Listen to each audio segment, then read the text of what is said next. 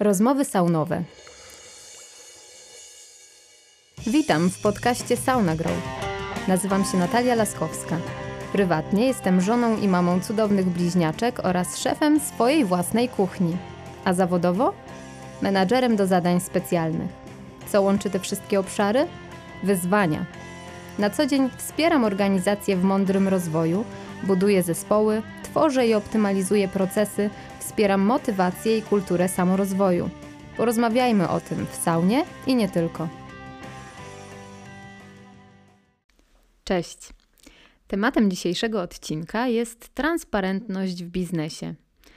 Po raz kolejny to, o czym chcę Wam dzisiaj opowiedzieć, jest odpowiedzią na potrzeby, na potrzeby ludzi, z którymi spotykamy się na co dzień w pracy, yy, potrzeby różnych organizacji.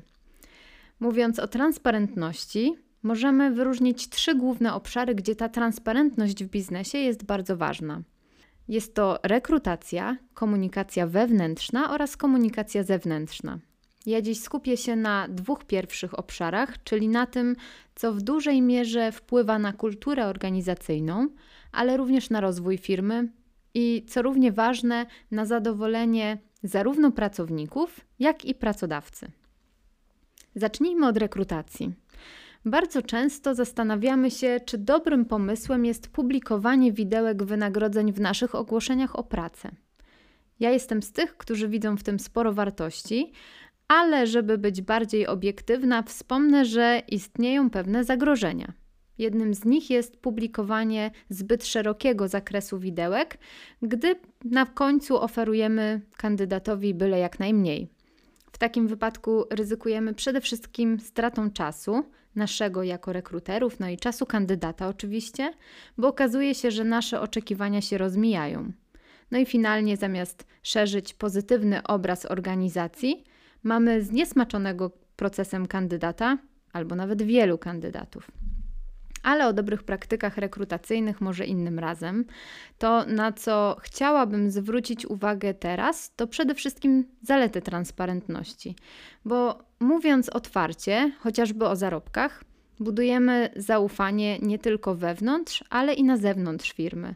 Kreujemy pewien wizerunek firmy, co doceniają potencjalni kandydaci. Przede wszystkim budujemy wizerunek pracodawcy jako godnego zaufania. U niektórych może to jednak budzić pewne obawy. Nie jesteśmy przyzwyczajeni do tego, żeby nasi współpracownicy i w zasadzie nie tylko oni, bo skoro te informacje są jawne, to wszyscy mogą do nich dotrzeć, więc nie jesteśmy przyzwyczajeni do tego, żeby inni ludzie znali nasze zarobki. Taka ciekawostka, gdy firma Buffer ujawniła wysokość wynagrodzeń wszystkich swoich pracowników, w ciągu 30 dni liczba aplikacji rekrutacyjnych wzrosła o ponad 200%. Potwierdza to poniekąd tezę, że taka transparentność może stanowić pierwszy krok do przyciągnięcia wartościowych pracowników, na czym organizacjom oczywiście powinno zależeć. Mimo wszystko przyzwyczailiśmy się trochę, że sporo informacji w firmie to tematy tabu, nie mówimy o wynagrodzeniach, o tym, ile firma zarabia, bo nie daj Boże, ludzie zaczną prosić o podwyżki. Często skrywane są też informacje na temat tego, co nie idzie po naszej myśli, na temat wyzwań, przed którymi stoi organizacja. Trochę, żeby nie martwić pracowników, żeby nie generować niepotrzebnego strachu. A tak naprawdę jest zazwyczaj odwrotnie. Niewiedza ludzi prowokuje ich do różnego rodzaju domysłów i projektowania sytuacji, które często nie mają miejsca. A że mamy trochę skłonności do czarnowictwa, często powstają różne plotki, które właśnie negatywnie wpływają na morale ludzi oraz na, na atmosferę w firmie. Na szczęście wchodzimy w czasy, gdzie transparentność staje się nowym standardem, a może nawet koniecznością do tego, żeby odnosić sukcesy.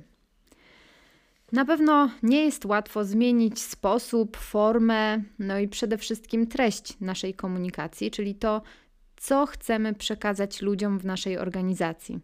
Szczególnie jeśli nie jesteśmy przekonani co do sensu takiej zmiany i efektu, który tym działaniem możemy osiągnąć. Jest jednak sporo organizacji, które otwarcie mówią o korzyściach, jakie przyniosła im zmiana sposobu komunikowania się właśnie poprzez zwiększenie transparentności w firmie. Żeby łatwiej było zrozumieć, czym ta omawiana transparentność jest, podam Wam kilka przykładów tworzenia tego typu kultury. A jeśli chodzi o kulturę organizacyjną, to moim numerem jeden jest firma Zapos. To, co dla Zapos jest najważniejsze, co wynika również z ich wartości, to właśnie transparentność. Żeby ludzie wiedzieli, jaką pracę należy wykonać i mieli motywację do tego, żeby robili to coraz lepiej. Ważny jest tutaj cel i to tak zwane why, to dlaczego, czyli dzielenie się tym, dlaczego idziemy w takim kierunku, co chcemy osiągnąć jako organizacja. Transparentność to też dzielenie się z ludźmi informacjami na temat realizacji naszych celów. Co już osiągnęliśmy, co jeszcze musimy osiągnąć, jakie wyzwania napotkaliśmy po drodze. To również zachęcenie pracowników do wyrażania ich opinii na różne tematy. To poniekąd takie włączanie ich do podejmowania decyzji, nawet. No i transparentność to przede wszystkim gotowość do dzielenia się zarówno tymi dobrymi, jak i tymi złymi informacjami. A co dzięki temu możemy zyskać? Na przykład lojalnych i zaangażowanych pracowników. To jest dokładnie to, na co stawiają w zapos. Ludzie, wiedząc nad czym pracują i w czym pomagają firmie, czują się bardziej zmotywowani i skoncentrowani na osiąganiu swoich celów. Często czują potrzebę zrobienia czegoś więcej, żeby pomóc firmie rozwijać się i osiągać sukcesy, bo to będzie przecież również ich sukces. I tu kolejna korzyść wzrost efektywności wykonywanej pracy.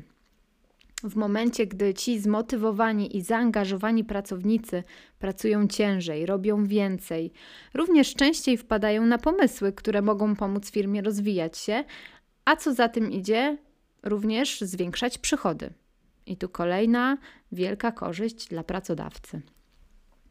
Jednym ze sposobów wdrożenia takich przejrzystych, transparentnych praktyk w zakresie wyznaczania celów jest zastosowanie metodologii OKR Objective Key Results, czyli cele i kluczowe rezultaty. System ten ma dość sporo korzyści, dlatego zachęcam do odsłuchania podcastu na ten temat, jeśli jeszcze tego nie zrobiliście. Podcast OKR, czyli mądre zarządzanie przez cele, yy, przybliża metodologię i mówi też o tym, jak yy, i po co OKR-y w ogóle stosować. Ale wracając do transparentności, warto zastanowić się, czym ona jest dla Was, bo dla każdego może być wyrażana jakoś inaczej. Mówiłam już trochę o tym, o dzieleniu się celami, wyjaśnianiu ich i decyzji za nimi stojącymi, o informowaniu o tym, jak jest. Transparentność to też informacje o tym, co ma się zadziać. To zapewnienie tego, że pracownicy wiedzą, czego się spodziewać, ale co bardzo ważne, zakomunikowane w taki sposób, żeby nie musieli sobie nic dopowiadać, żeby nie było miejsca na własne interpretacje. Transparentna komunikacja to komunikacja szczera i uczciwa. A skoro komunikacja, to musimy zdawać sobie sprawę z tego, że działa ona w dwie strony. I jeśli padną pytania, nawet te niewygodne, to nie udawajmy, że to pytanie nie padło. Na tym polega właśnie transparentność, trochę na wychodzeniu poza swoją strefę komfortu. Dobrze jest mieć świadomość tego, że to, czego oczekujemy względem transparentnej komunikacji, a to, jakie w tej kwestii są doświadczenia nasze i naszych pracowników, to często dwa różne, dość odległe bieguny. Znając jednak korzyści, które moglibyśmy osiągnąć wprowadzając transparentność, zaczynając od budowania kultury organizacyjnej, przez zwiększenie zaangażowania pracowników i ich odpowiedzialność, większą autonomię pracy, skuteczniejsze rozwiązywanie problemów, a w rezultacie tego wszystkiego również zwiększenie efektywności pracy. Ważne jest, żeby przyjrzeć się temu, co Wy moglibyście zmienić w swoich organizacjach, żeby takie efekty uzyskać. I tutaj po raz kolejny chciałabym podkreślić kluczowy aspekt odpowiedniej komunikacji.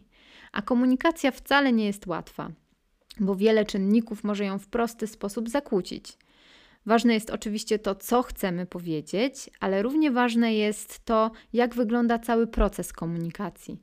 To, jak mówimy, komu przekazujemy informacje, jak często się komunikujemy, jakich narzędzi używamy. Zachęcam każdego do przeanalizowania waszego procesu komunikacji i swojej własnej transparentności i do podjęcia działań. Może naprawczych, może korygujących, a może potrzebna Wam całkiem nowa jakość. Jeśli potrzebujecie pomocy w zdefiniowaniu swoich potrzeb i ułożeniu procesu komunikacji, skontaktujcie się z nami na saunagrow.com, a my bardzo chętnie wesprzemy Was w tym temacie. Do usłyszenia. Podobał Ci się ten odcinek? Bardzo prosimy, oceń nasz podcast w Twojej ulubionej platformie streamingowej. Jeśli możesz, podziel się linkiem z tego odcinka w social mediach, np. na LinkedInie czy Facebooku. Dzięki temu możemy sprawnie działać i nagrywać kolejne podcasty. Z góry serdecznie dziękujemy za tak okazane wsparcie.